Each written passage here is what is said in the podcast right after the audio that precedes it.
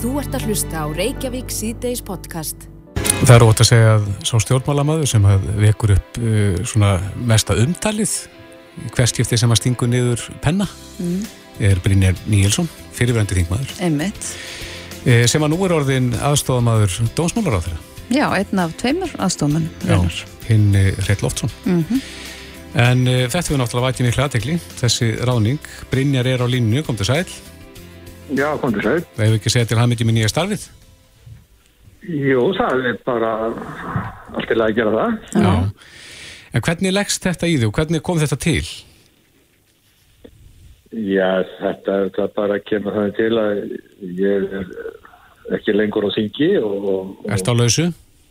Og er á lausu og, og hérna nýtt dómsmálaður hefur bara hugsaði með sér að, að, að fá einhver viðslu mikla menn í, í, í þeim málaflokkast sem hann eitthvað og og sá að ég var að lausu og, og skapar ekki því.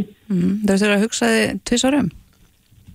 Já, já, ég höfði það að hugsa sig um og, hérna, og velti þessu öllu upp og að það væri skynsarlegt og, og best mm -hmm. en, en, en ráður hann taldi svo vera þannig að ég ég þekki hann líka vel og við höfum starfað saman lengi þannig að ég ætla að vona að það geta alveg orðið farsast sattar. Mm -hmm.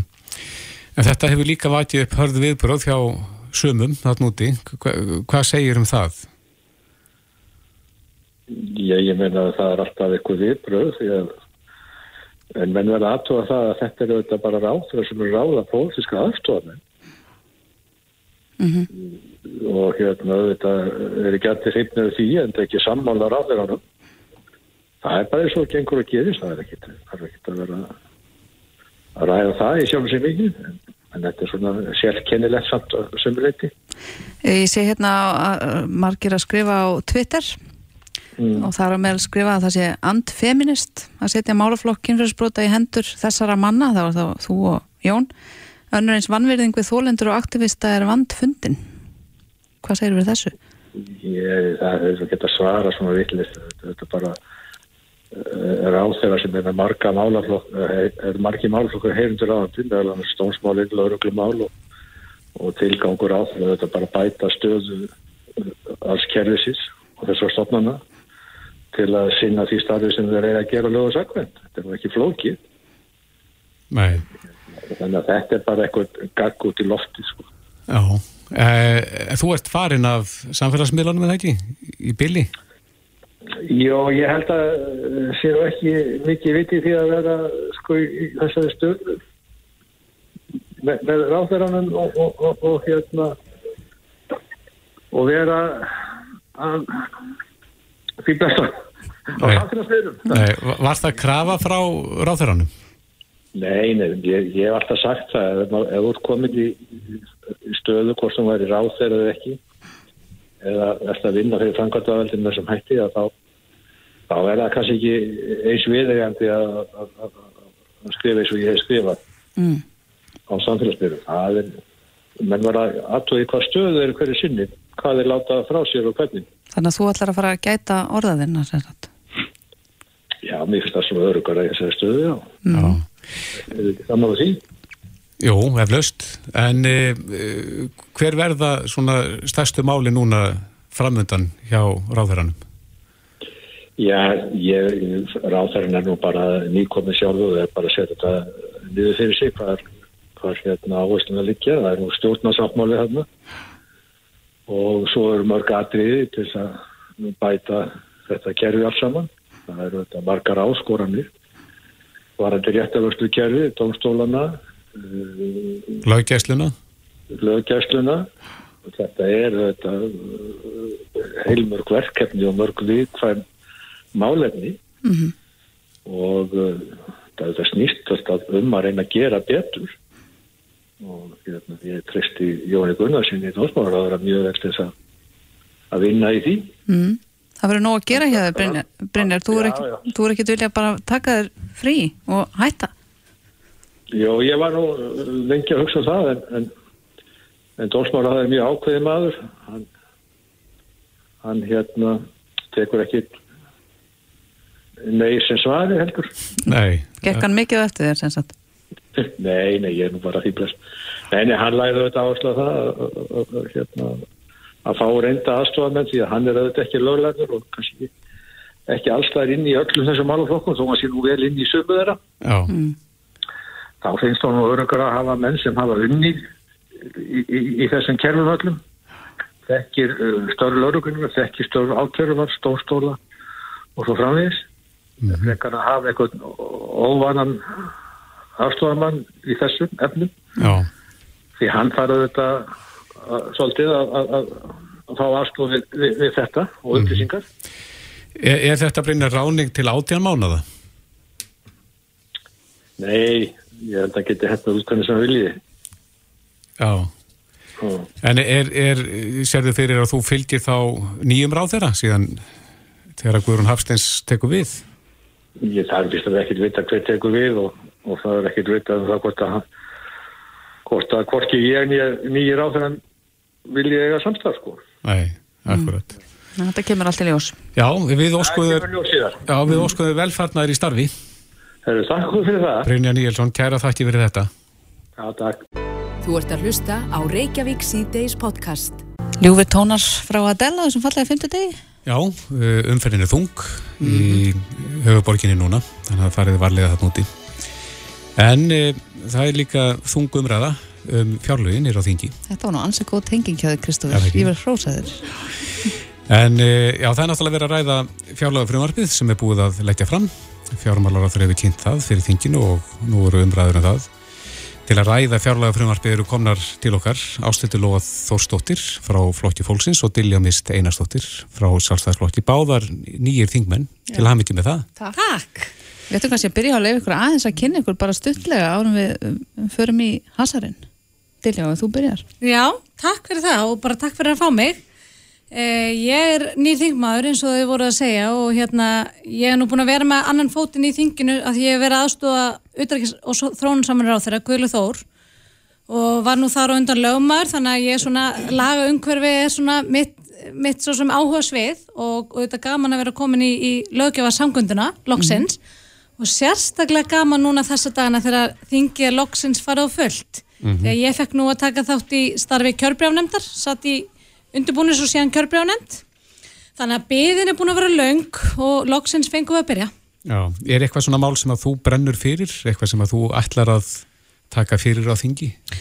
Já, það er nú fjölmörg mál, man, ma, það eru auðvitað, maður sér auðvitað tækifæri í hverju hotni til þess að bæta og það eru auðvitað þess vegna sem að maður er komin í þetta starf og það eru auðvitað til þess að reyna að gera, láta eitthvað gott að sér leiða, gera einhverju hluti betra, betri. E, mér dettur í hug, auðvitað hef ég rosalega mikið áhuga á utrækismálum e, og, og mun setja í utrækismálun nefnd en sömu leiðis e, rekstarar umhverju til dæmis lítill á meðalstóra fyrirtækja, mér finnst það að vera mikið e, forgangsmál á þessu kjörtímabili að bæta það og mentamálin, ég hef mikið áhuga á mentamálunum þannig að það er bara nóg að taka Já, greinilega. En uh, Ástildur Lóa, nú Já. komið að þér.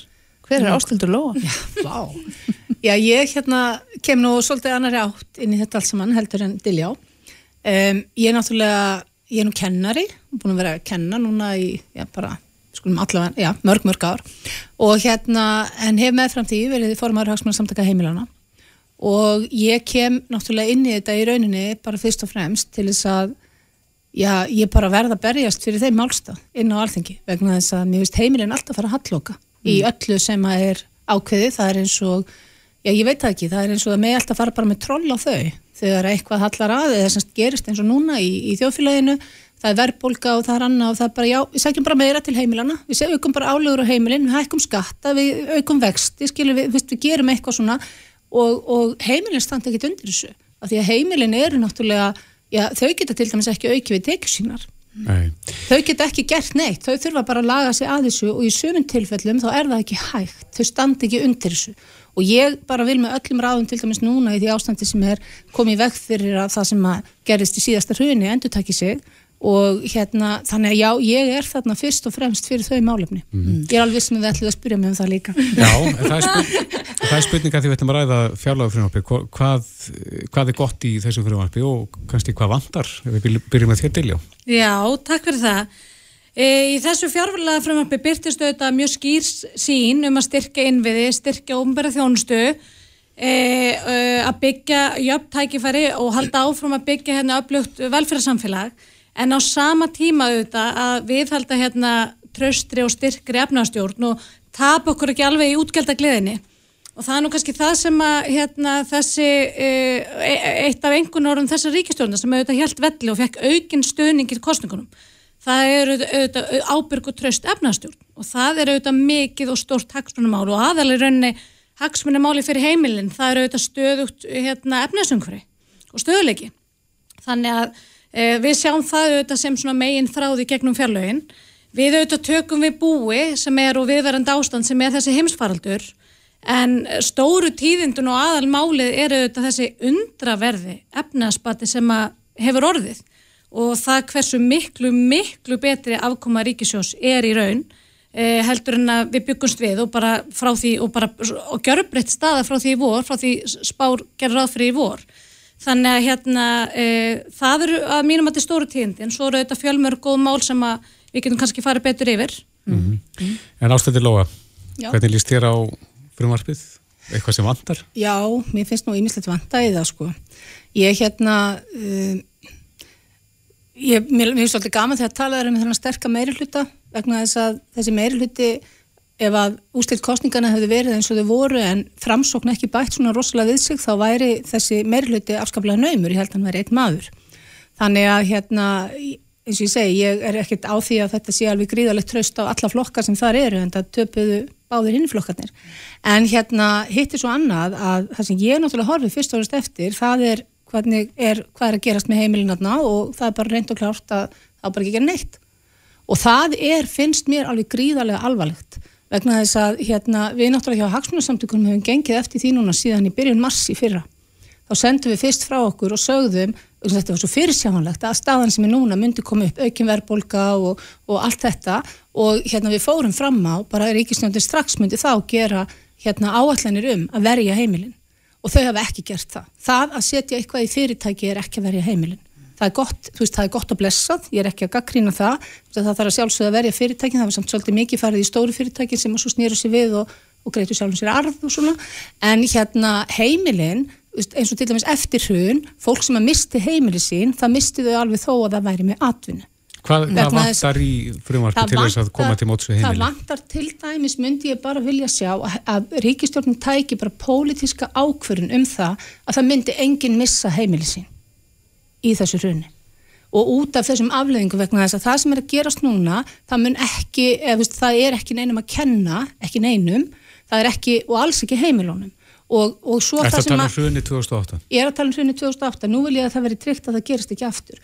Það sem við erum að horfa núna er ekki jafn, segja, jafn skörp, eh, skarpt hrun eins og var þá, en við erum að horfa á verðbólgu, ég myndi vilja að hérna, það er sett þak á verðtryggingu, bæði lána og leigu, leigusamninga, það verður að gera það vegna þess að það sem er að gerast núna, e, svo kemur kannski ekki fram fyrir neftir eitt ár, tvö ár þegar heimilin fara að gefast upp vegna þess að þegar þetta leggst verðbólgan leggst ofan á höfustólanuna þá verður þetta eins og snjópolti sem að veldur á stað í blöytir brekku sko. mm. þú veist það bara hlæðst og hlæðst og, það, veist, og eftir hrun, við skulum líka alveg ekki gleyma því að það voru mjög margi sem að, þú veist, fólk er, þú veist, var að missa heimilin sín mörgum árum síðar út af afleðingum þess að þú sem að þar var gert eða ekki gert mm. og þess að það núna að grípa inn og stoppa þessa þróun svo hún verð ekki vegna þess að það, það eru óbúslega mörg heimili sem ekki munu standu undir þessu heimilin sem eru annarkort með gildurvertrykkingarinnar eða e, á leikumarkaði, það eru heimili sem standa vest, þau hafa minnstu myndli handana og skellur mun koma harðast á þeim.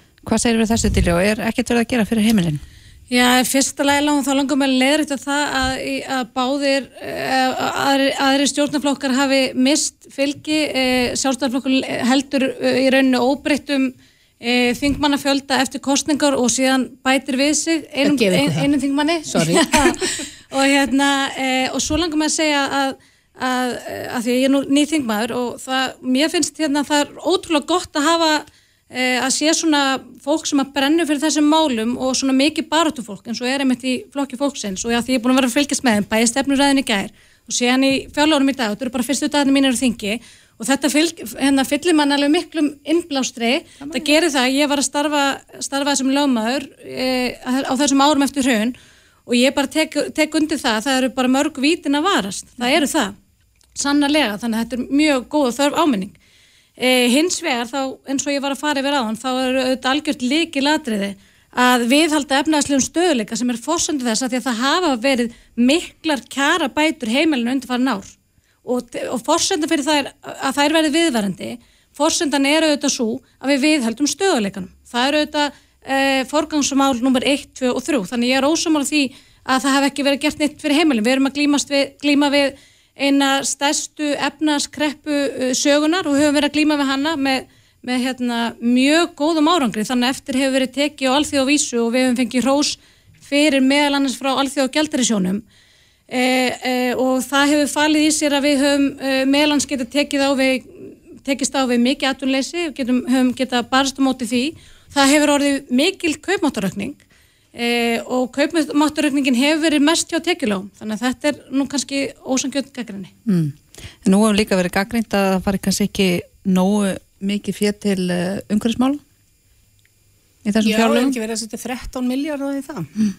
E, ég hef ekki ennþá ég skal viðkynna, ég er nú ekki þetta er, þetta er mikið frumvart, þannig að ég er nú svo mikið alveg búin að lesa kaplan um umhverfismálin en hérna e, ég hef aldrei séð skilgrinningu á því í hvað þessi 13 miljardar eiga að fara.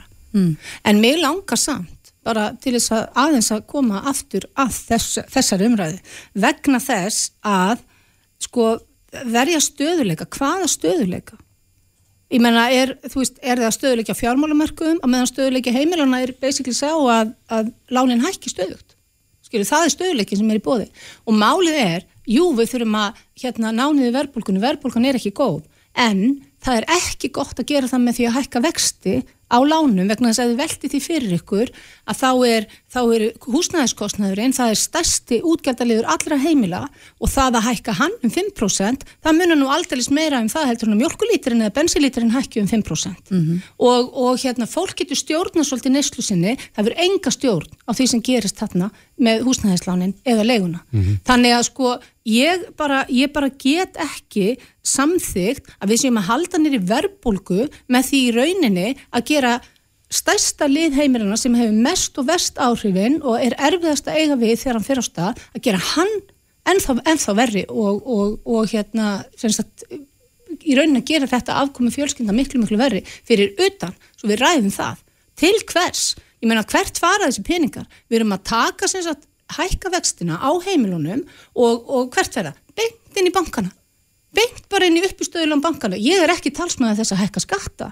Alls ekki, en ég myndi frekar vilja hækka skatta um þetta eða, eða þarf að gera svona til þess að slá á þenslu heldur en að bara beina þessu öllin í banka sem að til dæmis núna er að borga sér 88 miljardar í arð fyrir eitt ár. Takk.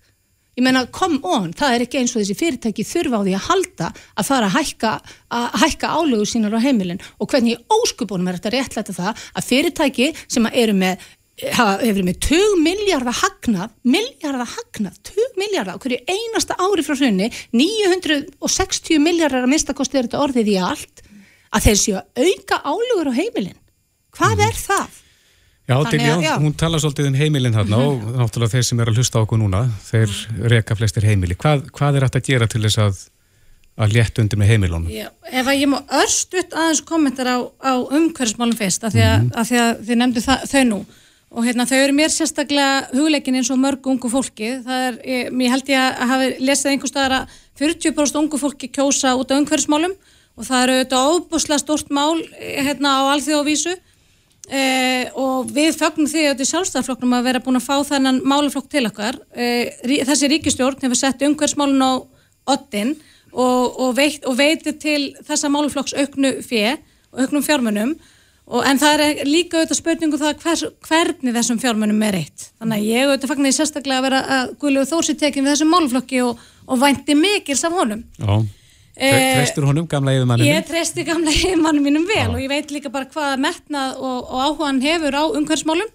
og, hérna, og veit að hann ætla sér stóra hluti. Mm -hmm. e, en heimilin? Ef ef við tölum um heimilina, því að ég geti auðvitað tekið undir margt það sem að, að ástildur loður að segja E, e, varðandi e, hæk, varðandi húsnæðiskostna heimilina þá langar mig að beina spjótum þanga sem að mér finnst vanta svolítið hjá stjórnaranstöðin að gera. Og það er sko að því að það er að miklu leitunum til að vera að ræða þannig vanda út, út frá eftirspurnarleginni Mér langar til þess að beina hérna, spjótum að frambóðsliðinni af því að þess, þessi vandi, hann er mjög markþættur og fjölþættur. Og stjórnvöld hafa verið að bregðast við honum með markvíslegum hætti meðlans með úrraðum að borði við hluteldalánin sem hafa gefist mjög vel og, og rástöðun sérregnarspartnar til þess að auðvelda fólki að kaupa eign og, við erum í ána að sjá það að hlutfall þeirra sem er að kaupa sína fyrstu eign hefur aldrei verið hæra en, en, en ef við beinum spjótum að frambóðsliðinni þá langar mig til þess að benda á ábyrð sveitafélagi í þessum efnum. Og það er, er tvent sem ég langar til þess að nefna. Og hins vegar fyrsta lagi þá er það þessi sveltistefna sem hefur verið reikinni í Reykjavík í hérna varandi og, og þessi lóðaskortur sem er ríkir Reykjavík sem hefur auðvitað bein áhrif á, á húsnæðisverð og, sí, og síðan í, í, í samhengi við það og í tengslu við það þá er það auðvitað stór útgjaldaliðu fyrir heimilinn eru fastegnargjöldin og hefur áhrif á mm -hmm. leiguverð, hefur áhrif á, á fastegnarverð og svo framvegis. Þannig að staðan er svo að þrátt fyrir aðstæðar fólks breytist að engu leiti frá árið til ás. Tekjur þeirra hækka ekki, það er ekkert sem breytist á þeim og móti kemur sko að, að það kostar ekkert meira fyrir sveitafélagið að hafa þetta fólk í sveitafélaginu það er engin aukinn rekstarkostnæður mm -hmm. hins vegar stór hækka fastnæðgjöldin frá árið til ás og ég myndi vilja að við myndum ræða þetta alls saman. Ég á, vil sjá stjórnarnarskunna ræða þetta. Á, á að taka húsnæðislegin út úr vísitunum það er kallað eftir því lengi. klárlega. en mér langar líka, ég ætla bara að segja það ég tek heilsugar undir allt sem að Dili voru að segja þarna. Algjörlega heilsugar bara allt held ég og hérna en ég ætla samt að benda á að hún er samt að tala um aðra hluti heldur en ég vegna þess að, að hérna, hún er að tala þarna um sagt, jú, skort á íbúðumanna, ég er að tala um fólk sem er búið jafnvel, að kaupa sér, eða er búið að kaupa sín heimili, ég er að tala um heimili sem að nú þegar eru til, mm -hmm. skilur þau? Þannig að það er... Þau greiða fastengjald. Þau greiða fastengjald og ég einmitt er Já. hérna, ég held ég að sé mér að sé búin að leggja það fram Mm -hmm. mannar samt ekki alveg eða hvort ég ætlaði, allavega ætlaði ég að ræða við ykkur og því að þið hefði lagt það fram mm -hmm. að það á að breyta þessum það, þau eru allt og há og það má ekki, með ekki vera skattar sem í rauninni hækka sjálfkrafa út af því að, að, að hérna, fastnægna bóla reynlega verður í kringum þig. Ég meina manneskja sem að býr í sínu húsi og, og hérna þó að allt, og bara, hún bara býr þar og lifir sínu lífi, hún hefur ekkert meira um allir handana þó að þó að hérna, húsnæðinar hækki í verði á pappir. Mm -hmm. Það er bara, það breytir ekki neinu fyrir nú selur og þá jafnvel ekki heldur vegna þess að þá þarf hún að borga minna eða sem þá, þá, þá, þá er hlutvarslegur hún að borga meira hvort þið er fyrir næstu. Það getur ekki reynilega að tekja höndu saman um þetta Ábyrg sveitafélaginum ekki og þetta er ekki bara hefur áhrif á heimilin hefur líka er þetta hérna fastanargjöld á fyrirtæki. Já, algjörlega, algjörlega, algjörlega sammála þessu. Þannig að við getum að gera þetta saman. Ég ætlaði með að tala við ykkur um þetta Já, samhljómur það Það verður gott að fara við þessi mál Getur kannski fundið eitthvað fleiri mál sem þeir eru samlum Ég er alveg viss En við setjum þetta aðslengur, alveg öruglega Við kannski fáum eitthvað bara afturrengt sem að síðar. Segjum þetta gott í dag dag. Takk kærlega fyrir komuna. Ástildur Lóa Þórstóttir frá Flokki Fólksins og Dilljá Mist Einarstóttir frá Sjálfstæðisflokki. Takk, takk. Takk fyrir okkur. Þetta er Reykjavík C-Days podcast. Já, við höldum áfram. Mm -hmm. Það hefur mikið verið rætt að undarförnu um eh, aðferðir svindlara til að reyna að hafa fíða af okkur. Já, heldur betur. Komast við við komar upplýsingar. Þessar aðferðir verða alltaf fáaðri og fáaðri. Já, ég verða viðkynna það. Það var gerð svona öryggiskönnun í þessu fyrirtæki, tjálsveru löngu. Mm -hmm. Og ég beit á agnir. Ha, Kristófer. Ég held ég myndi aldrei ekki það. Þú sem búin að taka öll þessi viðtöl. Já, akkurat. En, eh, og hva, hvað var það sem að leti bít á agnir? Já, sko, það var sendu póstur mm -hmm. sem var reyndar frá, frá sko falskri hérna adressu mm. eða hérna net, netvangi En hann var bara eins og væri frá uh, starfsmanna þjónustunni hér. Þannig að út af því að þetta var þitt eigið fyrirtæki, fyrirtæki sem þú starfar hjá, Já, þá kannski varstu ekkert mikið að spá í hvort það er svindl. Nei, akkurat. Mm. En uh, okkur skilst að fyrirtæki Sindis sé einmitt að hjálpa fyrirtækjum að reyna að koma auga á uh, gött, öryggisgöttin. Veikar lekkins og steg. Veikar lekkins og mig, akkurat. En uh, á línunni er uh, Theodor Ragnar Gíslason, tæknistjóri Sindis, kom til sæl. Já, komið sæl, komið sæl. Já, þú kannastu þetta og hefur náttúrulega unnið lengi þessu að, að hjálpa fyrirtækjum að koma auða á veikulekkina. Já, þetta er, þetta er ekkert nýtt í raun og veru, en þú getur verið nokkuð góður að örgum með því að, hérna, flest fólk lendir í svona á einhverjum tímpunkti. Mm. Þannig að þetta er ekki til að skamma sig fyrir að, að lenda í að vera plattaður á internetinu. Það er stöðut verið að reyna að herja okkur og, við þurfum bara að læra að þekkja þessu ummerki. Já, en þetta getur verið dýrkeft.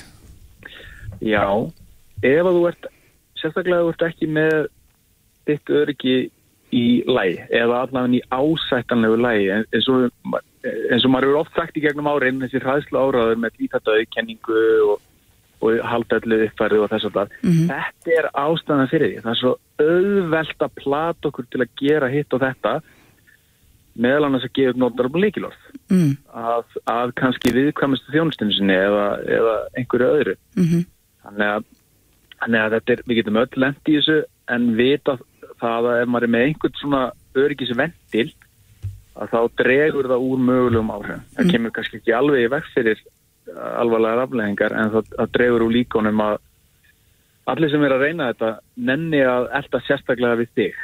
mhm. En, en, hvernig er það þegar fyrirtæki ákveður að, að láta prófa starfsfólki sitt svona? Já, Uh, kemur það forsvarsmönnum fyrirtæki á óvart hvaða eru margir sem að falla í gildruna? ég, ég náttúrulega veit það ekki almennt séð en ég get sagt út frá öryggisteimum og, og kannski sérstaklega öryggistjórum að þá er þetta eitthvað sem þeir vita. Mm. og þetta er náttúrulega bara partur af því að virkja eh, samstagsfélag og starfsfólk í þessari sameilu ábyrg eh, sem stafrand öryggi er ekki bara fyrir vinnustæðan heldur líka út fyrir hann þannig að, að ég held að auðvitað kemur þetta einhverjum óvart en, en, en, en ekki held ég fólkinu sem er í, er í bransanum með svo má segja Nei. En þessi svindlarar eru alltaf að reyna að þróa sínar aðferðir. Hvað er það nýjasta í þessu?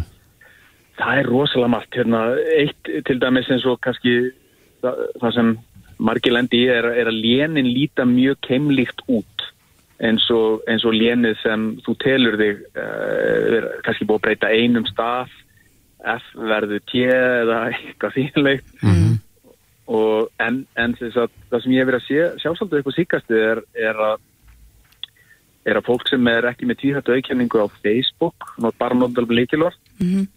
er að það er eh, plata til að gefa upp það sem er kalla uh, svona verification kóða eftir, eftir að einhver hefur reynd að endur stilla líkilorð og þá virkar það þannig að einhver hefur samband, yfir þetta einhver vinur og segir, herru, ég er að fara að taka þátt í einhverju leik og þú farið hérna sendt SMS eftir smá stund. Og það kemur SMS og það er frá Facebook. Og svo gefur þetta og, og, hérna, og þeir fara svo að breyta líkilorðinu, virka tíða dögkenningu og taka yfir akkántin algjörlega. Mm. og eh, þannig að þú veist, þetta hefur sé að vera að aukast hérna, og síkast hérna heima og þetta er alveg ömulegt að þessu. Hvað gera menn síðan við hérna reikningin þegar menn, þessi svindlar er búin að taka niður? sko, þeir náttúrulega reyna ímislegt þeir byrja á að ég gera þetta, svo reyna þeir kannski að fá kredtkort upplýsingar eða eitthvað ég er í vandraðum eða eitthvað þínleik en eftir að þeir loka á þig þar að þeir búin að taka yfir aðganginn Mm þá fara þeir í gegnum vinalistan og messenger og reyna sömu bellu á suma. Ó. og það er að segja þá sem já, þeir þeir velja þá í raun og veru þá sem eru líklega e, þannig að, að e, þeir fá SMS senda og þá gefur til kynna að það sé ekki virkið tví þetta auðkenning þannig að í þessu tiltekna dæmi og einn sorglegt og það var fyrir kannski þessa manneski að, að, að þá hefði það að vera með virkja tví þetta auðkenningu á, á Facebook verið nóg til að koma í veg fyrir e, allavegna þessu tiltekna árás en, en þú veist þessar árásir hjá þessu fólki eru endalusar og það eru endalust svona hugmyndunar hjá fólki Mhm. hvort sem það séu mjög meinfísnar árásir það sem einhver er að reyna að græða á þessu eða, eða prófanir sem eru kannski hugsaðar til þess að auka árvekni starfsmanna Mm. eins og kannski það sem þú varst að vísi í Einmitt. Þessir óprotna aðlar fara náttúrulega aldrei frí þannig að við getum ekki einu slakað á jólafrínu. Nei og allt sem er að gerast í tíðarandanum það er þægilegt þægilegu svona öngull eða það maður kallar húk Þú veist, þetta er ná einsku kallar phishing með PH Mm og, og því betri öngull því líklegri eftir til að ná árangri. Og, og það sorglegasta við þetta er, er að það er nánast 100% árangur. Já, þannig að eh, það er alveg ótrúlegt að horfa upp á tölunastundum í svona verkanum það sem að hversu margir býta á uh, agnið? Agnið, já, og það er alveg ótrúlegt. Það er kannski, segjum að eh, ég nota bara hundra sem dæmi, ég er ekki að, kannski að, alhafa hérna en, en 100 sem dæmi og, og 50 smell á hlekk það er að segja eitthvað skona bítóagni Mhm. að þá eru kannski 45 að gefa upp nótundalum leikilort Það er ansi há prósenda. Já, það getur verið, það getur verið, það getur verið ansið há prósenta en það sem skiptir máli í svona er að, þú veist að við getum öll lendi í þessu og hérna, en það eru alltaf einhverju sem, sem spotta að það er eitthvað skríti í gangi. Mm og þetta er fólki í kringum okkur sem við getum nýtt okkur til að bara fá vitneski af þessu til að láta kannski örgisteimi eða örgistjóra að vita og þetta, þetta held svolítið hendur þannig. Þannig að það er þessi samiðlega ábyrð okkar allra eh, að í raun og veru að vera árvökul fyrir raunverulegum fyrir árásum Mhm. og láta aðra í kringum okkur vita því að við getum vissulega öll lent í þessu Þannig að það er líka bara búslega viðkynna það að ég hef líka lent í þessu og þannig að þetta er ekki, ekki einskorða við, við neitt sérstakann hóp samfélagsins. nei, þannig að við þurfum að vera á varbergi út af því að þetta, við getum aldrei útrýmt þessari ógn í rauninni. Vistu það því miður og ég er búin að vera í þessu í tíu ár að gera svona prófanir og eins, eins gaman að það væri að geta sagt að maður að það sé mikið árangur á þessum tíma að það verða bara ekki þannig. Og ef eitthvað er þá er það vestnað af því að við erum orðin svo vön þessum markpostum, þessum, stöðugu áreiti sem við erum að lendi að við getum ekki auðvöldlega greint á milli þess sem er bara markpostur, auðlýsing og það sem er árás. Það er rosalega óþægilegt ástand. Og skúrkarnir eru alltaf að þróa sínar aðferði líka en þú segir að, að öflugast af opnið í baráttunni það er þessi tvíþátta öðgenning.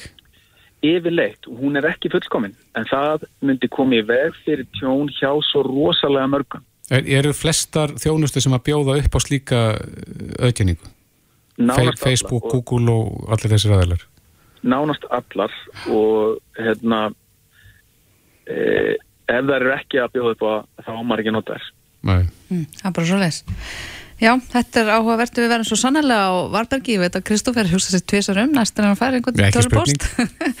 en uh, Theodor Ragnar Gíslason, tæknistjóri, sendist takk kærlega fyrir spjallið. Ekkert á það ekki, alltaf leið. Bless, bless. Reykjavík síðdeis á Bilginni podcast. Frettablaðið.is greinir frá því að starfsfólk heilsugjæslunar er að verða því einhverjum, dónaskap, er það ekki, vegna hraðbróa. Jú, það er fyrirsöknenda túristar dónalegir eftir nefkóks strókuna. Já, finnst þeim eh, starfsfólk heilsugjæslunar fara of langt. Já, mér, mér skilst það en Þetta er enda rosalega óþægilegt. þetta er óþægilegt en það er nú aldrei þörf á dónaskap þegar Nei. fólk er að vinna vinnuna sína. Það er enda alveg rétt. En á línunni er Sigriður Dóra Magnúsdóttir, framkvæmdastjóri lækninga hjá heilsugjæslun á höfubrókusvæðinu. Sæl, Sælverði. er þörf á því að fara svona langt?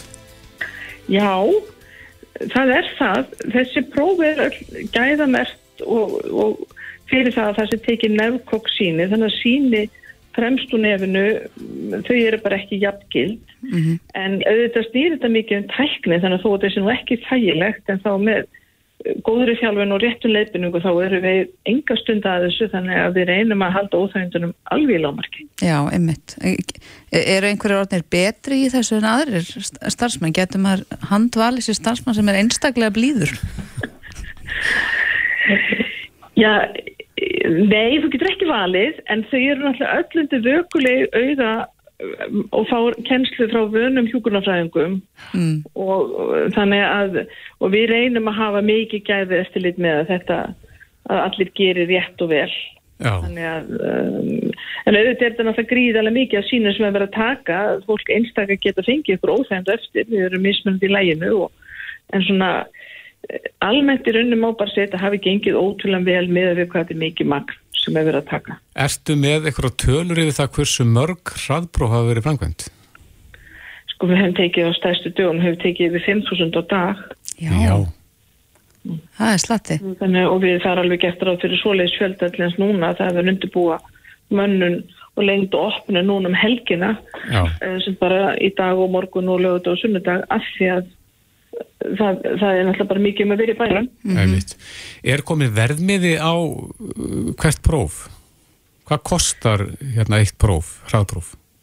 Eh, Sko, það, er, það, var, það var bara kostnæðagreint, það var alltaf að gera það fyrir verkefnum frá ráðunitinu. Já, Þannig að það var, það var kostnæðagreint að það kostar, um, kostar 4.000, þessi útlæðu kostnaður og þá er náttúrulega allt tekið með mannahald og búnaður og tæki og, og allt saman. Þannig að, en, en þetta er náttúrulega þetta er gjaldfrjótt gjaldfrjálst fyrir alla. Ekki fyrir skattgreðendur endar? Nei, ekki fyrir skattgreðendur þeir græður náttúrulega á því að það geta farið aðeins meir um Já, tekið meira þetta lífinu glaðstanni, verið svona sæmilu öryggi með sitt nærum hverfi þannig að þetta, þetta er penningu sem kemur inn annar staðar. En, en er fólk alltaf, er, er fólk að átta sig á því að þurfa að fara hraðprófið eða eru einhverjar að koma svona á síðustu stundu og, og þurfa að fá niðurstöðnar nánast áður en þeir fara í strókuna? sko, niðurstæðan kemur nú sem betur fyrir mjög hratt. Að þú hefur, það er svona þegar að í mennulegu, mennulegu degi þá kemur svarið innan hálftíma. En það er alltaf við með ykkur að, að vakna upp við, við vondan draug og hafa glemt sér.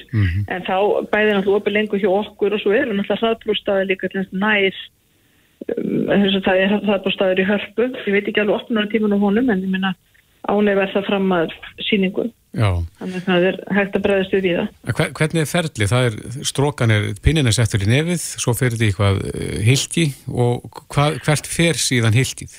og fólk þarf að vera skráð á undan þannig að þá fær það strikamerki og svo kemur það og þá er prentað út strikamerki og strikamerki er límt á, á sínatöku glas sem við komum til þá heldur á, á sínu sínatöku glas í gegnum ferlið og svo fer hann inn í það sem sínið er tekið og þá situr hann á, á stóli eða stendur með stuðningi og það er, þetta er mjög snögt mjög snögg sínataka Er það síðan, er síðan tæki sem að, sem að greinir eða er þetta bara svona eins og heimaprófin, einhver vökvi sem að, Já, þetta er bara, þetta er bara sett svona eins og í þungunapróf. Þannig að það, að veist, þannig að pinninu settir í glasi og hann er þar svona, meðan það er í ákveðin tíma og, og, og, síðan er þá svona vökur hann held yfir í, yfir í, mm, í prófið sjálft, sko.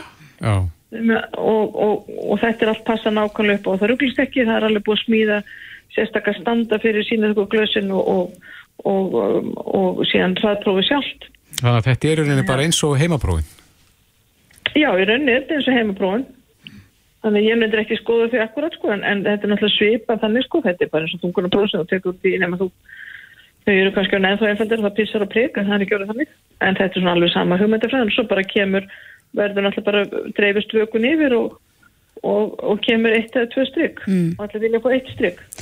En kannastu við þetta sem að er talað um inn á fréttablaði.is í dag um að uh, nokkuð hefur borið á því að og séu jáfnvel með einhvers konar dónaskap við starfsfólkið, sérst kvarti yfir því að pinnanum sé stungið á lánt. Ég kannast nú ekki við að það má vel vera, það kemur ekkert óvart ef, ef, ef svo er. Ég veit, við veitum náttúrulega ekkert um hvað verður að gera erlendis og hvað fólk er vant, en þetta er, við vinnum, samver, tökum öll okkar síni og erum með gæða eftirlit frá Rannsóknarstofu Landsbytalars, þannig að, og erum með próf sem þeir hafa samþygt og það er alveg, við vinnum bara eins og, eins og leifið er gefið út fyrir og eins og á að nota prófið. Einmitt. Rétt kannski að þessi lokin, eh, Sigriður, uh, hérna bólusetningabílinn hefur verið á ferðinni. Hvernig hefur honum verið tekið? Sko hún hefur verið tekið mjög vel það sem hann hefur komið. Við hefum verið í samvinna á undan búin að undirbúa ákveðna uh, staði þar sem vitum er kannski eitthvað um óbólusett og svona. Þannig að en, uh, það, það, það er erfitt að ná í þennan hóp sem er óbólusettur. Þannig að um, ég held að það er svona kannski ná svona helmingi á hverjum stað Mm. sem hefur komið í bólusetningu.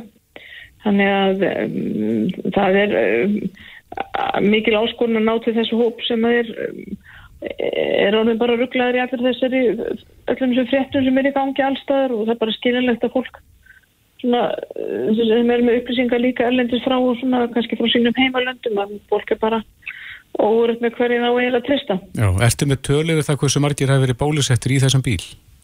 Nei, ég náttúrulega hef ekki akkurat þær tölur en það er, það er líka alveg fyrir sko, ég bara hef ekki séð þar. Nei. Einmitt það, já, Sigriður Dóra Magnúsdóttir, frákvæmdastjóruleikninga hjá Heilsugjæslun og Höfbrukarsænin, takk fyrir spjallið og gangi ykkur vel áfram í, í öllu ykkar. Takk sem er leiðist bara, já. Reykjavík síðdeis á Bilginni podcast. Jæja, Reykjavík síðdeis, það voru margir sem að fylgdust með aðdánaraugum á ferðalag Víkinga.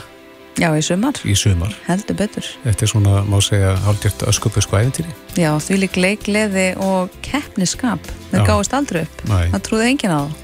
En nú er, að, er verið að fara frum sína heimildamynd eða þætti, má segja, um þetta ferðalag. Einmitt. Og einn af þeim sem að kemur að gerð þessar þáttur komið til okkar, Gunnlaugur Jónsson, velkomin. Takk fyrir, kjælega. E, segð okkur aðeins af, af þessu, þú, hvenar áttaði þú þig á því að þarna gæti verið eitthvað ævindir í uppsiglingu? Já, það er svona þegar leið, leið og sumarið þá, þá voru hérna þrjú til fjögulið sem voru svona að berjast og, og, og maður vissi náttúrulega að í, í, í vikingsliðinu eru tveir leikmenn svona nánast voru hættir árun áður einhvern veginn eftir COVID þá voru þeir svona en ætlaðu að taka eitt tímili viðbót og vonandi enda einhvern veginn á glæstan hátt sko. Stóra stjórnur. Já, og ég var þetta sem sagt að vinna fyrir stötu sport að taka viðtöl á e, Valur Víkingur, Víking og Valur. Og hérna og verð vitni að bæði það að í fyriráleik það var Víkinga bara hríkalega góðir og bara yfirspiluð Íslandsmeistra vals einhvern veginn. Og svo endar þessi leikur einhvern veginn því að, að staðan er sem sagt 2-1 fyrir, fyrir hérna Víkinga og Sölvi, einn af þessum gamlu nestorum sem er að einhvern veginn að hætta hann ver á línu með hausnum. Hann fórna basically hausnum og þetta var eitthvað svona sem maður sér ekki á hverjum degi og nánast hefði ég aldrei séð svona. Þarna var eitthvað andi. það var eitthvað, já, þetta svona kristillaðist einhvern veginn, það voru góðir og það var einhvern veginn ríkalegur andi og svaka stemming. En bara þetta atvik, það var einhvern veginn hugsaði daginn eftir hér bara er eitthvað í loftinu. Og ef við ekki bara fylgjum svo eftir og sem betur fer þá heyrði ég í Garðar Erni sem er svona yfir pródusent hjá Stötu Sport og ég held verið að hann hafi ekki byrjins fengið leifi sko, frá sínum yfirbóðurum heldur bara veitti mér hérna aðganga einu tökumanni og heyrðu við byrjum þetta bara. Og svo bara finnum útrest Þannig að þið, by- sko, tökurnar byrja í rauninni þarna á þessum punkti. Já, þessar, þessar svona eh, já, þessar tökur af liðinu. Og svo fór næsta mál, hversu nálagt komust við liðinu, því að liðið er náttúrulega mega sjens á að, að gera eitthvað. Mm vinna titil í fyrstskipti 30 ár. Eru unni byggamastillin tveim árum áður. Og þannig er hann að freka nýr og feskur þjálfari, Arnar Gullungsson sem að þannig er bara þreja fömlun sína með byggamastili tveim árum áður, setur svo hérna rosa kröfur á liðið og allar á Íslandstilli 2020 sem endar í tíundarsætti þannig að þarna á þessu tímili leiti þetta rosa vel út, þeir eru áfram með byggar það voru heldur 5 eða 6 umfyrir eftir þegar þeir voru að vinna val. Hann tók mjög vel í þetta, Arnar. En við ágöfum það að næsti leikur eftir var FH og við ætlum að byrja hægt við viljum ekki alveg og, og svona við þorðum hreinlega ekki bara erum með komist til klefan á leikdag við þorðum ekki að byrja það. En við fengum, við byrjum þetta þannig að við fórum í bíltúr með, með Kára og Sölva í leikin tókum svo góð viðtöl bara eftir leik og fyrir leik við þá. Og svo ætlum við að heyra í Arnari í vikunni og þá komið landslíkalið þannig að og Arnar kom og fundi inn og það er svo eftirminnlegt einhvern veginn að að ég hefði sem þjálfari aldrei lift þetta. Á þessu tímúndi að sleipa eh, tökum og, og svona ekstra eitthvað á æfingum daginn fyrir leik og eitthvað svona en, en Arna bara stökka á þetta, við erum að gera þetta. Ég bara, ég mun samfara leikmennum að, um að þetta mun ekki trubla og ef að leikmenn þóleiti ekki, það verður ekkert ekki með sko, allir þetta, þessi frasar sko.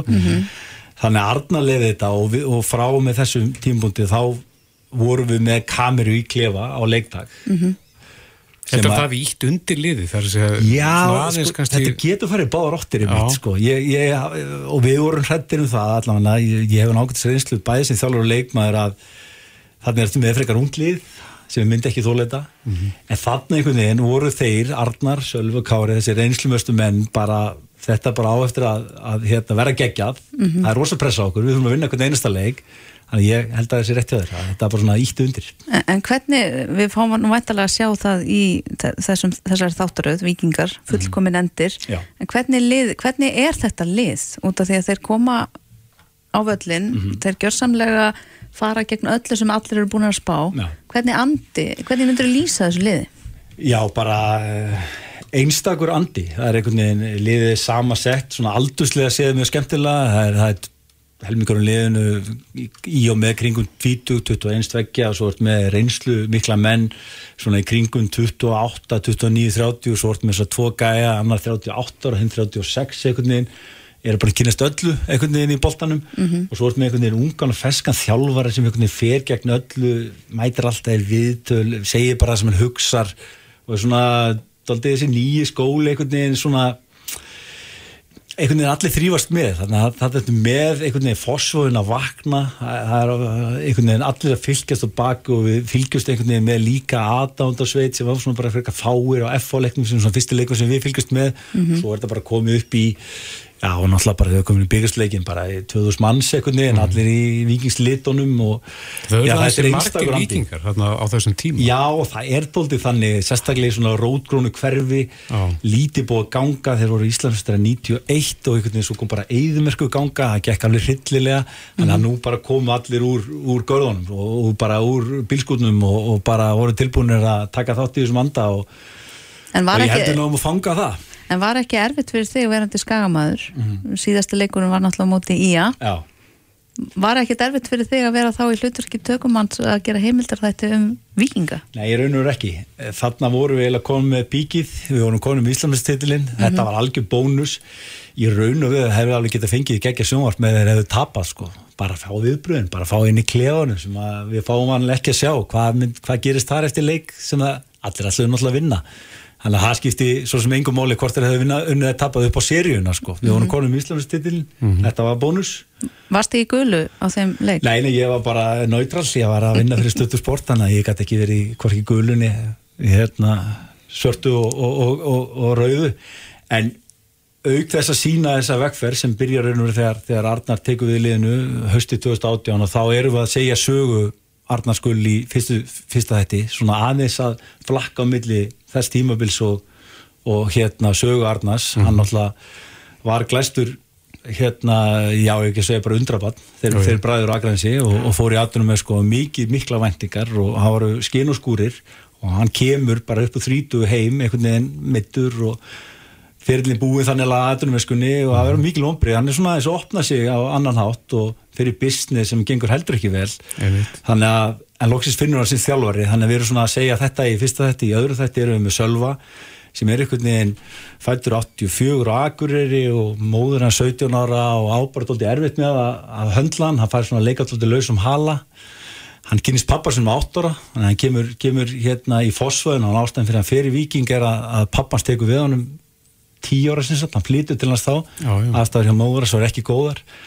Og lendir í ymsu vesinni utan vallar og, og þrýfstilla í skólakerfinu og, mm. og svona draumur um eitthvað vakna, ég ætla að vera hatunum aður þá þarf ég ekki að vinna 8-5 og, og svona þarf ekki að sinna skóla og svona aðeins svona brasa á, á þeim drengi en einhvern veginn sjáu fyrirmyndina einhver sem ætla sér eitthvað, hann nærði sko. Og svo vart með kára í þriðafætti mm sem er, er strákur sem var yngur og yngir landsliðum og það, það var yngin að sjá þegar hann var 19 og þetta er besti hafsend sem Íslandi verið átt sko en, en þá gerist ákveðið atvik, hann skiptir í val og það er svona ákveðið svona sem kveiknar ákveðið nesti þar og við ætlum svona að sína þess hvað, hvað gerist, þannig að þetta eru mikla fyrirmyndir sem við erum að reyna að sína og, og hérna mm. Og vonandi ná að svona að fólk, fólk sjáu og fólk þarf ekki endilega að, að vera eitthvað ólinn í fókbóta til að hafa gaman að þessum þáttum. Nei, ég ætlaði með þetta að spyrja því þetta er ekki bara fyrir vikinga. Nei, alls ekki. Þetta er náttúrulega, fyrst og fremst náttúrulega stóldi frábær saga um eitthvað lið sem að hefur ekki gert eða ekki verið í glæstum hæðum í íslensku bólta mjög lengi Eim. og næri einhvern veginn svona markmiðu sínum en jáfnframt er þetta stóldi svona mannleg saga hjá, hjá þremur svona já, frekar þekktum fókbóltamönnum. Sko. Og eins og ég segi, þeir hrifu svo marga með sér þarna á loka spettinu. Já, þeir gerðu það og það var alveg einstök stemming og ég veit hvort ég muni eftir í næstíðstöðum fyrir mætar K.R. og það mátti ekkert klikka og Breðblik var einhvern veginn með mm -hmm. var einhvern veginn með þetta bara allt í, í sinni hendi og svo einhvern veginn á sömu mín og þú klikka Breðblik og Víti og, og, og, og K.R. skora. Það fjall allt með þið. Já, fjall allt með þið og svo dænt Víti í lokin einhvern veginn á Víkinga Já. Og það tók dómara 500 og þannig erum við með kameru í bara í aksjónunu og, og sjáum viðbröðin í klefanum í háluleik og eftirleik og, og fáum undir svona, ég held að þetta sé eftirmannstu leikur var að síðar ára sko, af því að þarna var alltaf gerast einhvern veginn á F-fávellin, það sem bregðarblik var með nánast nýju fingur á, á tillinum en einhvern veginn glöðdræði og, og vikingar ganga á leiði sko. Mm -hmm. Þetta er spennandi, tálbrós og takarskór Já, einmitt, og þú þevís þarna, að áttaði á þessu? Já, smá heppin held ég. Ah, Jú, ég reyndar, fann að var eitthvað í lottinu en ég, ég trúði ekki alveg að þetta myndi fara í svona svakalega hæðir sko. Nei, akkurat. En uh, fyrsti þáttur er á lögadaginn á stöðtöðu sport.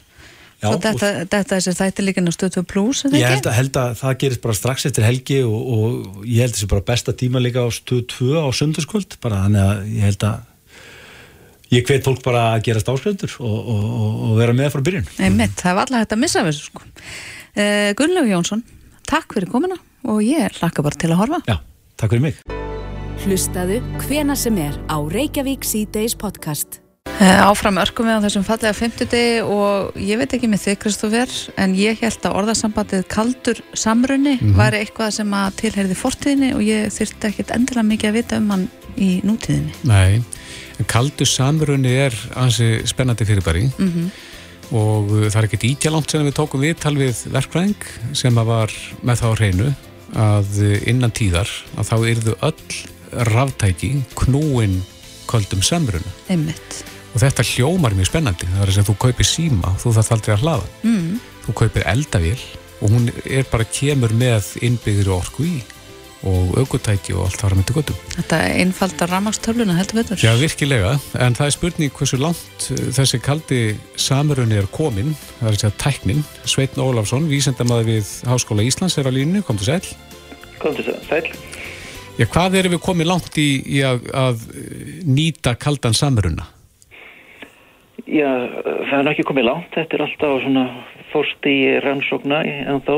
Mm. En uh, það hefur svona verið svona gegngándi 30 ár svona vottur að þessi eitthvað gerast í tilraunum sem hérna er verið að reyna svona að koma á einhvern svona fræðilegan grundvöld og líka tilraunulega. Það er erfitt að stjórna þessu og, og, og það er ekki fyrir núna svona hvað síðustu ár sem kannski e, fólk er farið að trúa þannig að, til dæmis Evropasambandi er búið að fara að styrkja verkefni á þessu sviði þetta hefur verið svona langur aðdraðandi að þessu Mm. Ef þú ættir að skýra á, með, í stuttumáli svona fyrir þeim sem að vita ekki hvað kaldur samrunni er, út á hvað gengur hann? Sko, samrunni er náttúrulega það sem haldur okkur að lífi hérna á jörðinni, hann á sér stað í sólinu okkar það sem þetta er að gerast við 15 miljón gráður og, og, og, og gerist mjög hægt tráttur í þennan þetta heita stíg en uh, það veldur að máti því að, að, að sólin er, er biljónir ára gömul og verður það áfram. En, en, en á, á meðan er hún að gefa okkur þetta uh, sólskinn og, og heldur lífinu áfram hérna á jörðinni. Þannig að sólin er bara einn kaldur samrunni? e, e, heitur samröður getur kallað út af þessu háheitasti en að, að síðan að reyna að fara að gera þetta við einhvern kaldan, uh, kalt hittastig það hljóma svo ótrúlega eh, en, en, en uh, svona eru svona vísbendingar að, að, að þetta fyrirbæri er reynir kannski frekar svona uh, tengt skamtafræðinni Mm. því að hérna, þið kannski hefur heilt á því skamtatölfur og um, einhver svona tölfur framtíðinar Mm Það er svona komið lengra, það er IBM er komið einhvern, einhverja góða skamtatölu núna sem er svona verið að þróa. Og mér grunna nú að, þessi kaldi sarmunni sé nú enn eitt skamtafyrirbarið þannig að ég myndi frekar kalla búa til nýjir því hérna og segja bara skamtavirkjun. Skamtavirkjun, já, sem myndi væntanlega uh, leysa ímis vandamál í framtíðinni er varðar orkuþörf. Uh, Já, já, en, en, en, en svo oft í vísindur þá er, er stundum verður að byrja einhver staðar og við erum bara voðalega komnir stutt á þessu sviði. En, en að því að þetta er sko rannsóknarsviði mitt þá, þá erum við reynur um svona þálma í myrkri en þá vegna þess að, að fræðin er ekki komin en, en, en í tilraunum núna allir eru Japanir að búa til 1-50 vött í, í það sem er að gera þetta. Og, og uh, þannig að það eru svona að koma svona bara eðlisvæn er hægt og rólega að koma í ljós. Já, en eh, eins og við nefndum hérna áðan að þá eru sömur sem trúa því að þetta verður komið í svona áður en langtum líður í, í ráftæki, bíla og slíkt, þannig að þú bara kaupir eldavel með eilíðar orku. Er þetta utopía eða, eða gæti þetta orðið? Núna er sagt orkan sem kemur fram, hún er á formið varma og varmi er leiðilegu forma orku því þú þarfst að hafa turbínu og ímisleðindi. Þannig að ef þetta er á formið varma þá, þá hérna, gerist þetta ekki. Þá eru þetta bara svona stórar hérna, varmaveitur eh, og síðan kannski svona minni svona uh, rafall sem framleiðir að magnið í einhverju húsi nálátt okkur. En uh, að fara svona eins og lýsir þessu það er ekkert útilokað því að það er svo margt hægt að gera í LSU-æni sem er ekki komið alveg það langt í grunnrannsóknum að það sé að segja já eða nei þannig að já, hugsaðan gerist þetta. Já, það, en það, það er þá langt í það ef það gerist. E, þegar skilningur er komið þá geta hluti gerst rætt annars ekki Mm. en, en, en sko öll tækni hérna svona í heiminum hún er komið það langt þannig að grunnbúnaðin kringum þetta ræðandtekni, tölvutekni og efnistekni er það að það þróið að ef það kemur einhver skýring hvernig á stjórna þessu fyrirbæði þá gerast hlutinni rætt Mm. Þetta er mjög áhugavert. Mér finnst þetta svona sérstaklega áhugavert í ljósi þess að hér er verið að setja markmið um alla trissur varðandi umhverfismál Já, og hvort að uh, þessi tækni get ekki uh, hjálpað okkur í baratunum við þá vá, lofslagsvona. Já, hún náttúrulega sko, ef þetta fer svona langt þá, þá, þá er, er þetta nú bara svona að eigða all, allri orkutækni út sko en, en, en við skulum ekki fara segja það núna sko. Nei, ekki fara fram úr okkur. Nei, Nei. en, en, en semst, það er í eðlistöðinu og tilraunum þá eru er, mjög vandamálaðna og vexlumerki sem þarf bara að, að, að, rannsaka og komast betur að. Er þetta hættuleg tækni? Getur þetta orsaka sprengingar eða eitthvað slíkt? Nei, það held ég ekki. Það, þetta, er, þetta er þetta er svona, ég býst við þetta að verði svona kontróla fyrir bæri þannig að, að, hérna eh, svona kjarnaklopnun eins og sprengingin er, það, það er mjög óleiklegt sko. Af því, því að þú ert alltaf í raun og verið að bæta eh, hvað, einu vettnisatómi við annað efni og, og það verður að gera mjög á einhvern nýjan að þú ert ekki að missa stjórn á neinu eða þá getur ekki búið til bombu Nei, akkurat. Já, ég veit að mörgum þykir það svona físileg tilhugsun að þurfu ekki að mun eftir að setja síman í hlæðslu eða hlaða rafbílinn sinn eða, eða hvað annað. Þannig að, að þetta er hérna heitlandi hugmynd svona inn í framtíðina.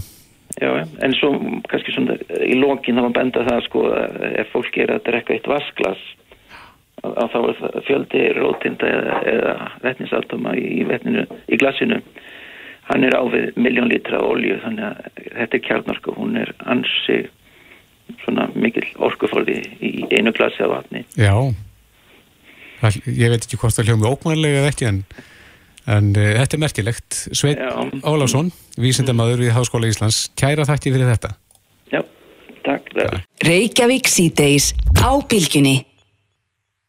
Aðvendan er hafinn, hóst síðustu helgi og ég veit ekki hvernig er á þínu heimili en á mínu heimili er allt fullt af aðvendu dagatölum af öllum stærðum og gerðum. Já, já, eitthvað hjá mér. Já, Byrjaði að skreita. já, sjálfsögð. En við nú verið svolítið í því í Reykjavík síðdeis að fjallum þessi óhefbundnu mitt. uh, og mér líst nú alltaf best á dagatölun þar sem maður þarf ekki að fylla húsið af einhverju drasli Mhm. uh, ég rakst á ferði mín með myndinetið um ansi áhugavert dagatal sem er kynlífsdagatal Þau er nú einhver í gangi núna það ekki sem að einhverja kynlífsbúður hafa verið að ölsa. jú, vissulega En þetta af öðrum tóga. þetta er nefnilega öðrum tót að ég þarf ekki að fjárfesta einhverjum tækjum og tólum mm. Sigga Dögg, kynfræðingur hún er á heiðurinn af þessu dagatali, verður velkomin Já, takk fyrir það. Er þetta ekki rétt? Ég þarf ekki að fara að fjárfesta í nefnum að hvað sjálfur mér á makanum Já, þú ert eiginlega að fjárfesta tíma, þólimaði, nennu, þetta er það. Þú veist, allt sem er til heima hjá þér, þú mátt ef þú vilt. Það er alveg, það er bóðið upp á fyrir þá sem vilja fjárfesta, þá er það hægt, en það þarf ekki. Þú hefur raun öll þau tæki og tól sem þú þarft, sko, sem ert bara þú og, og ég er enda breytti út af að ég gerði líka fyrir einstaklinga. Mm. Þannig hérna, þú veist, það, eh, það er stundum lítið leiðilt að verða út undan þegar allt verður jól, ég man eftir þessu. Þá fannst mér allt verða alltaf para miðað þannig að ég vildi svona tegja maður næðis lengra og þetta þurfa einstaklingar líka að læra ná sitt kynlíf og sig sem kynveru. Mm. þannig að já, sko þetta dagatal um, það byggir á, ég fekk hérna æfingarnar frá Áslögu Kristjánsdóttur, kynfræðingi sem er með kynlífsráðgjöf líka. Og þetta eru æfingar sem er notar í kynlífsmeðferð fyrir pör. Mm. ég svona tvíkaði hans til fyrir einstaklinga. Mhm. þannig að þetta er þekkt form og þetta er notað til að svona endur hanna og endur læra inn á bara sig sem kynveru og makan og fyrir hérna þá bara pör til að læra inn á sig aftur. Mm, e- sko ég er búin að kíkja á fyrsta og annan desember Já. inn á heimasíðinni sikadögg.is og þá tók ég nú strax, strax eftir því að það er kynlífsbann Já, ymmit. Sko, ég var nefnilega, ég hugsaði ekki að vá hvað fólk aftur að verða fyrir miklu vonbröðum, sko. Ha, eitthvað svona kynlífstæðal heldur að sé bara eitthvað svona rólur, hangi úr loftinu og allt eitthvað brjálað, þú veist, makaskipti og ég veit ekki hvað, hvað. Svo bara kynlífsbann. Þú átt að strjúka makuninu. Ég veit þetta hljóman, en þetta er fáránlega erfið æfing og ég man þegar ég var fyrst að hérna, skoða þetta og ætlaði að fara í gegnum þetta prógram ég bara, já, brjálu í skapinu. Ég bara höndlaði þetta ekki, mér bara, og hvað? Bara strjúka, hvað gaman að strjúka? Þú veist, ég var alveg snar. Þannig að þetta er miklu meira krefjandi heldur en fólk áttar sig á. Og oft upplifir fólk svo mikið svona innilega snertingar. Þá upplifir fólk kröfu um kynlíf að sé pressa um yfirvofandi kynlíf. En hérna erum við að segja snerting má bara vera snerting. Og hvernig líður okkur með snertinguna? Mhm. þú veist að snerti mann engin svona innilega eins og maki. Að liggja bara nakin og þykja eða veita snertingu þetta er bara krefjandi. Að því að úst, þegar við hugsum kynlíf okkar þá er það oft svona eitt, tveir og, og það er bara eitt, tveir og elda. Það er bara áfram gakk, það er ekki svona rólegheit er fólk kannski tímaþröng og eitthvað svo lis Já, já, en þannig erum við að segja svolítið, ég er að segja svolítið svona, ok, slökkvum á sjónvarpinu, förum kannski hálftíma fyrr upp í, höfum það pínu kósi, kveikjum að kertum, setjum kannski hreint á rúmið, ha, degurum aðeins við okkur og gefum okkur þetta. Svo kannski sopnum við í faðumlögum eða allavega svona aðeins kannski sáttari, hlið við hlið, í aðeins meiri ró og ef það er eitthvað sem desember vantar, þá er það kannski pínu ró. Er það ekki? Jú, Pínu ekki frá því. ég, ég myndi halda það En það eru komið tveir dagar núna og það er að fara inn á þetta inn á sikadögg.is og uh, þar undir uh, liðinum sex í slúður. Já, sexy slúður, ég þarf alltaf að stuðla sko, þetta er alveg ræðilegt en hérna, frekar en sko bloggi boppa, mér finnst það ekki alveg nokkuð en þetta er bara, þú veist, þetta er ókipis þetta er opið, þetta verður þarna það kemur bara einn dagur í eina, því líka vil að fólk reyni að halda þessu þú veist, að fylgja þessu eftir þannig að þú farir ekki beint bara í æfingu sjö. Þá missur þú svolítið af, það þarf svolítið að taka þetta í réttir röð, þetta hefur ákveðin stíganda Mhm. og þennan tilgang. Mm. og þetta er útfært fyrir alls konar pör, alls konar einstaklinga og ég reyna að hafa þetta eins opið og ég get og svo er bara fólks svolítið að finna hvar það passa þarna inn og hvað virkar fyrir sig og þó þú sett par þá getur líka gert einstaklingsæfingarnar Já. það er ekkert sem bannar það sko En þú ert að byrja á þessum strókum, það eru fyrsta æfingarnar. Mm getur eitthvað ljóstrað upp hvað fylgir? Hvernig verður aðfangadagur til dæmis? Ú, ég, nei, ég, oh my god, ég, ég endist ekki fram að aðfangadag hefur hitt mig. Nei, nei, ég ætla bara að gera fram að ammalinu mínu. Ég er bara í sjálfsáttíð og ég ger bara tíu dag, dag, dag, all, er ekki Ísland að telja niður ég er ammali, nei, tjók. nei, hérna, þetta eru, þetta eru tíu æfingar og það er náttúrulega til fleiri. En mér fannst það bara ótrúlega fínt að því að svo er fólk bara komið með hausinn í jóla tónleika og einhvern hamburgerarrygg og einhver, malt og appi sín og brjálaði. Þannig að ég hef hugsað bara, ok, við tökum þetta bara í byrjun, tökum þetta upp að þessu og þá er bara komið gott. Þannig að þetta er ekki jafn mikil skuldbinding. Mér finnst alltaf svona, svona dagatöl sem eru 24 dagar, ég bara brenn út. Ég á ekki innign í svona marga daga. Þannig að ég er að vona að fólk hafi þólimæði og þól í þetta og svo lifir þetta bara netinu þannig að þú veist, ef þú vilt hafa þetta sem nýjársdagatali eitt og fyrsta jan á nýjársdaga hvernig sem það er, þá máttu það alveg. Þetta verður bara þarna. Mm. en þetta er bara tíu, þetta er, þetta er svona finnst ykkur það ekki svona einhvern veginn viðránlegt. viðránlegt, já. Finnst þetta svo mikið? En er þetta þá tíu dagar kynlífsbann? Nei, þetta er ekki tíu dagar kynlífsbann, þetta er það ekki. Ég get alveg ljósta upp um að uh, um helgina má fólk aðeins fara að fá sér. Þá hittnar aðeins. Já, hittna aðeins, en það er áfengisbann hins vegar. Eða þú veist, það er áfengisbann í æfingunum. Ég vil ekki sjá neitt áfengi, það má kannski fá sér einn eftir æfinguna ef að fólk kýst það, en ekki fyrir æfingu, alls ekki. Þa, Mhm. Og það skiptir máli, sko. Og svo er þetta samskiptæfing líka, þannig að það eru spurningar þarna fyrir fólk til að spjalla saman um eftir á og svona. Mm. Bara- búin búin að fá einhverja endurgjöf? Já, ég er búin að hóksla að sæta uh, það var eitt sem var hérna uh, býtu, býtu, ok, þú bannar kynlíf en það hlýtur að mega fróa sér. Koma svo, það má fróa sér, er það ekki? Má, það? Mér finnst það ógislega gott. Sko, sjálfsfróðan er ekkert alltaf kynferðsleg og þú getur bara verið útrást þannig að það er svolítið erfitt að segja við fólk ekki fróa þér en þú veist ekki tengja makan allavega inn í það þannig að þú ert að gera það bara en fyrir suma þá langar þeim suma langar að taka sér einhver svona pásur og sjá hvernig það er og byggjast upp í ykkur spennu í sér eða eitthvað. Þannig að ég leifi fólki svona pínu bara að meta fyrir sig, ég Mm. held að það sé vissara. En þetta er spurningum með, þetta er líka þetta hvað er kynlíf fyrir okkur í þessu sambandi? Hvernig kynlíf stundum við og hvernig kynlíf viljum við stunda?